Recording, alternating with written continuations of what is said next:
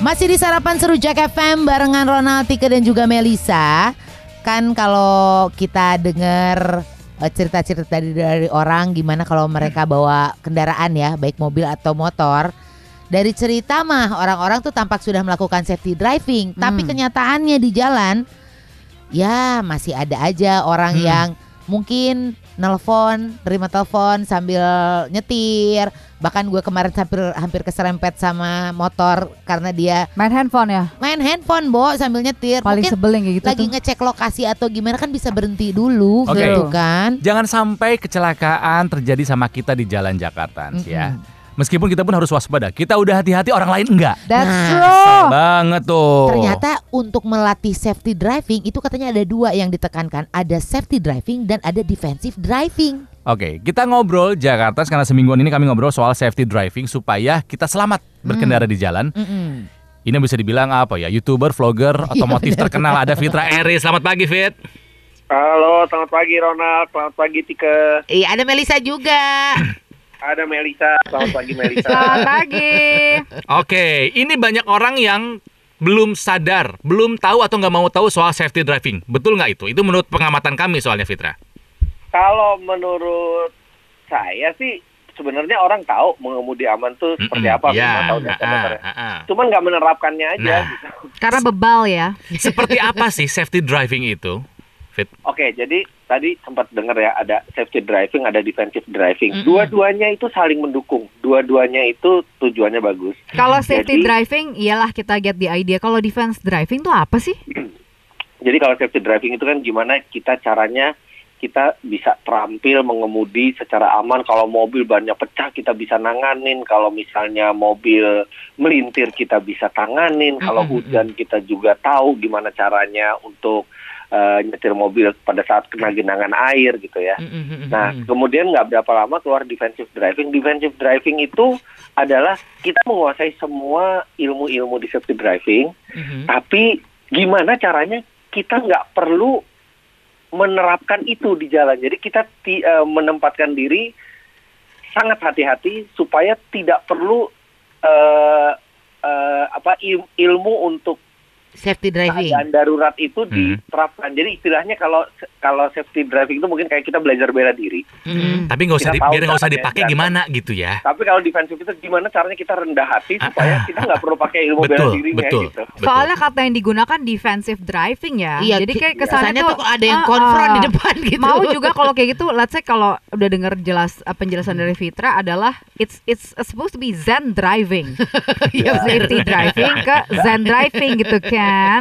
Nah, itu Jadi gimana defensif caranya? Itu ini Hmm. defensif itu kita kan sekarang kalau banyak kata kalau kita misalnya debat sama orang, ah lu defensif banget sih lu gitu kan. Mm-mm. Jadi konotasinya tuh nggak begitu bagus. Tapi defensif itu kan sebenarnya lawan kata dari ofensif. Ofensif tuh kan kayak kayak menyerang, agresif gitu. Nah, Mm-mm. defensif ini jadi kita kita tahu kita punya ilmunya, tapi gimana caranya supaya kita kita jaga jarak sama yang Oke. lain.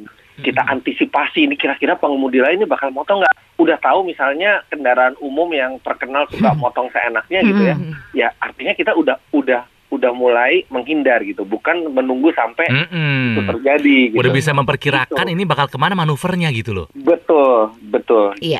Oke, Betul. nah ini gue mah pengennya langsung ke teknis aja ya. Oke.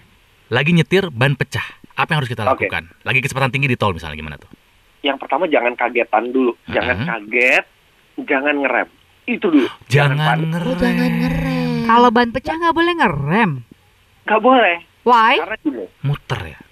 kalau misalnya kita ngerem, kita injek rem, artinya kan ada daya pengereman yang dikirim ke empat roda nih. Empat roda semuanya ngerem nih. Mhm, mhm.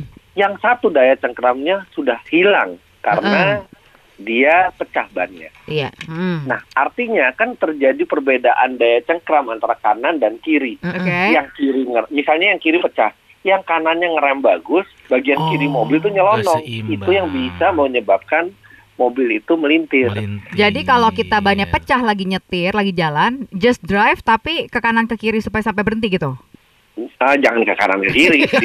Ya, depannya kan banyak mobil, but you cannot rem. Iya, Then iya. how? kita sekarang gini, kalau misalnya kita kan mobil yang lain tidak berhenti. Iya. Kalau misalnya kita pecah ban terus habis itu kita harus nyalip-nyalip mobil, artinya kita terlalu kenceng kan di awal. Mm, mm, mm, Anggap kita konstan, konsisten sama yang lain kan, artinya eh, eh, sama kecepatannya. Begitu bannya pecah kan, kita pasti langsung yang pertama itu kita harus pegang setir dulu supaya mobil itu nggak ke mana-mana. Oke. Hmm. Kemudian pelan-pelan kita lepas gas. Nah, mobil itu kan akan melambat. Sedangkan Hmm. lalu lintas yang lain kan akan lebih cepat dari kita kan. Hmm. Sambil kita pasang sen ke kiri, eh, ke bahu jalan yang aman. Nanti kita kira-kira kecepatan di bawah 30 baru kita bisa injek pelan-pelan. Kalau kita Ah, langsung Injak rem maksudnya ya, Iya iya iya. iya. Ya, Oke. kalau kita langsung injek rem lagi lari 80, 90, muter ya. sangat besar kemungkinan itu kita melintir dan Mm, eh, sangat sulit mengendalikan mobil ketika dia melintir dan salah satu bannya itu pecah. Nah, oke, that's a very good tip. Berikutnya, sekarang kan Jakarta udah musim hujan nih. Udah mulai banjir. Hmm. Ya, so what should we do kalau kita ketemu banjir? Karena aku pernah Mm. sok menerobos banjir karena mobil aku pedal tinggi loh, SUV. Iya. Ya. Mati di tengah-tengah mobilku. bukan Panther sih. Dan itu nggak di cover- asuransi kalau misalnya Nah. mogok karena menerjang banjir. Oh Coba. gitu ya. Tip. Iya bener. Tipsnya 4 gimana Fitra 5 kalau lagi banjir apa yang harus kita lakukan? Sebelum dulu, sebelumnya banjir dulu, kan kita defensif kan. Jadi kita Oh. udah tahu nih musim hujan nih. Mm. Hujan bakal ada hujan. Pinter-pinter bakal dia ada ini. Eh, eh, eh. Jadi jangan Yang jangan lu pertama, terobos ya.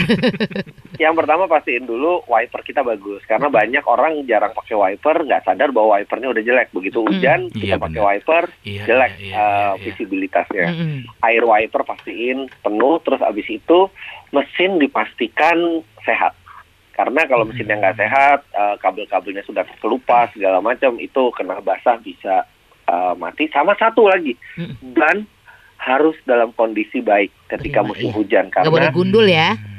Nggak boleh Mhm. karena ban yang gundul itu tidak memiliki alur untuk membuang air. Ah. Sedangkan alur-alur ban itu tapak ban itu dipakai untuk membuang air kan kiri. Coba aja pakai sendal jepit yang udah nggak ada itunya, udah Ya, nggak pasti ada. Udah garis-garisnya iya iya lewat iya iya ubin, iya. ubin yang ada airnya pasti Saya kepleset. nggak pernah tuh Pak sampai Kalau kalau nyetir di genangan tuh bener nggak? Pelan dan konstan. Iya, itu benar. Benar. Jadi, eh, jadi genangan itu kalau misalnya genangannya agak banyak itu bisa membuat fenomena yang dinamai aquaplaning. Nah, aquaplaning itu artinya antara ban sama aspal itu tidak ada kontak karena di tengah-tengahnya ada air.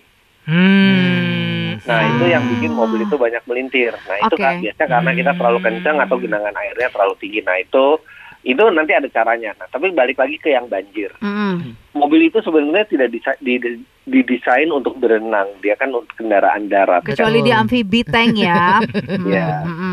Nah, tapi di kadar tertentu mobil masih bisa melewati banjir. Nah, sampai sebatas mana sih? Setiap mobil beda-beda. Mm-mm. Tapi kalau kita mau amannya, mobil itu aman untuk melewati banjir sampai setengah ban kita. Setengah Setengah ban. Lutut eh setengah betis orang dewasa. Kan kita ngeliat tuh yang lagi pada jalan-jalan gitu ya kali ya, Fitra ya. Ya. Jadi kira-kira ya, aja lah. Tergantung, tergantung. Iya tergantung mobilnya, mobilnya. Gua kan nggak kelihatan, gua kan Ya maksudnya nyetir pakai intuisi. tingginya Brio sama Fortuner beda gitu. Ah. Kira-kira aja berarti ya. kan. Ya, paling aman nggak sampai menyentuh pintu kita lah ininya banjir. Oh. Jadi intinya sih oke. defensive driving itu dilakukan sebelum kita berkendara. Tapi kalau udah berkendara mah kita tuh kemampuan kalau safety driving itu Ya, kemampuan kita nah. mengendalikan kendaraannya gitu. Ya, begitu misalnya kita terpaksa ngelewatin banjir nih, ini terpaksa nih udah ngelewatin banjir. Yang kita harus lakukan itu kita ketika lewat banjir tuh tidak terlalu pelan, Mhm. tidak terlalu cepat. Nah, kalau banjir tuh biasanya kita terjang tuh ada gelombang, Mm-mm, ada Iya, kiri gelombang kanan. air. Hmm. Nah, kita jaga gelombang itu terjadi dan mobil kita di belakang gelombang itu terus. Oh, jangan Jadi nabrak kalau- gelombangnya Jangan ya. nabrak Jangan. gelombang. Jadi mobil kita mendapatkan eh, ini apa mendapatkan eh, Opening, level opening. air yang lebih rendah. Iya, semacam gelombang. dibukain jalan Iya, sama mobil iya, yang di iya. depan gitu ya. Nah, Nah, gitu. kalau mobilnya Matic eh, menerjang banjir, is it true kalau eh, giginya itu harus ditaruh di lower dan D? Eh, nggak harus, not necessarily. Karena gini, justru yang kita hindari ketika menerjang banjir itu putaran mesin yang terlalu tinggi. Ada Ah. orang wah mobil, mobil satu tinggi-tinggi gitu. Hmm. Wah. Jadi jangan ya. Biar apa? Biar nggak mati. Ah. Sebenarnya mesin tuh tidak akan mati. yang bikin mesin mati kalau ada air masuk ke dalam mesin terhisap sama mesin kan mesin kan butuh udara. Hmm, hmm. Nah itu saluran udara mesin tuh biasanya ada di bawah kap mesin persis tuh saluran masuknya. Nah begitu kita kita gas tinggi, putaran mesinnya tinggi, Mhm. itu daya hisapnya tuh Lebih kencang, kuat kayak kita lagi. tarik napas Iya, kencang gitu. iya, iya, iya. Hmm, jadi Nah, tetap aja air di D lebih ya. mudah terhisap. Hmm. Justru kita harus jaga putarannya 1.500 sampai 2.000 RPM aja, nggak perlu tinggi-tinggi. Semakin tinggi, semakin besar kemungkinan air masuk ke mesin.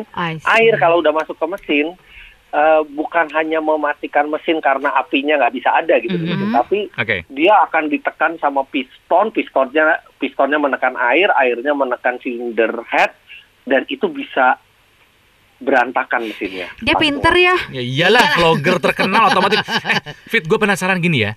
Makin sekarang mobil makin canggih, makin banyak safety fiturnya ya.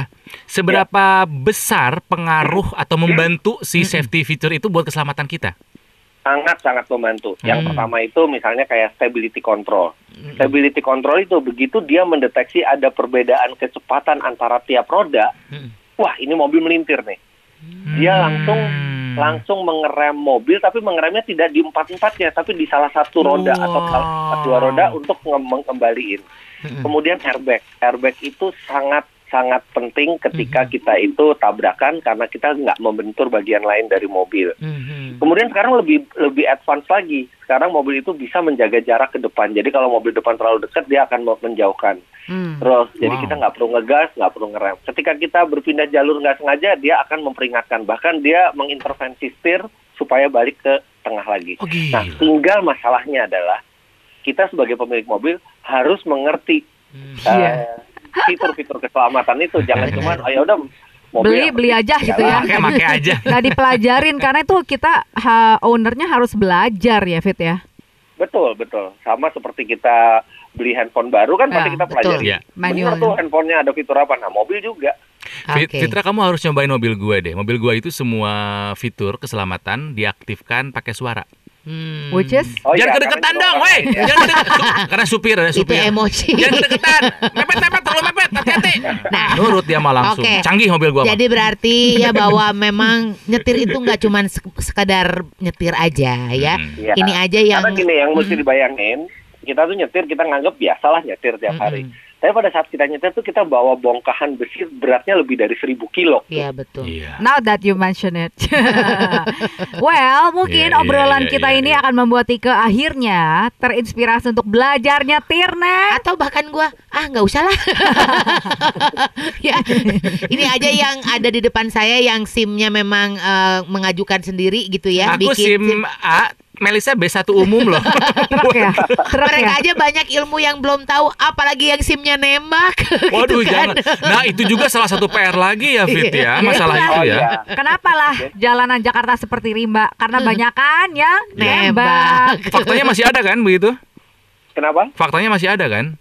Oh iya ya, eh, nembak. Tapi lebih eh, krusial lagi sebenarnya, oke, pembuatan SIM salah satu harus diperbaiki. Kemudian penerapan ini, penerapan eh, peraturan law Nah, enforcement. itu, itu. Iya.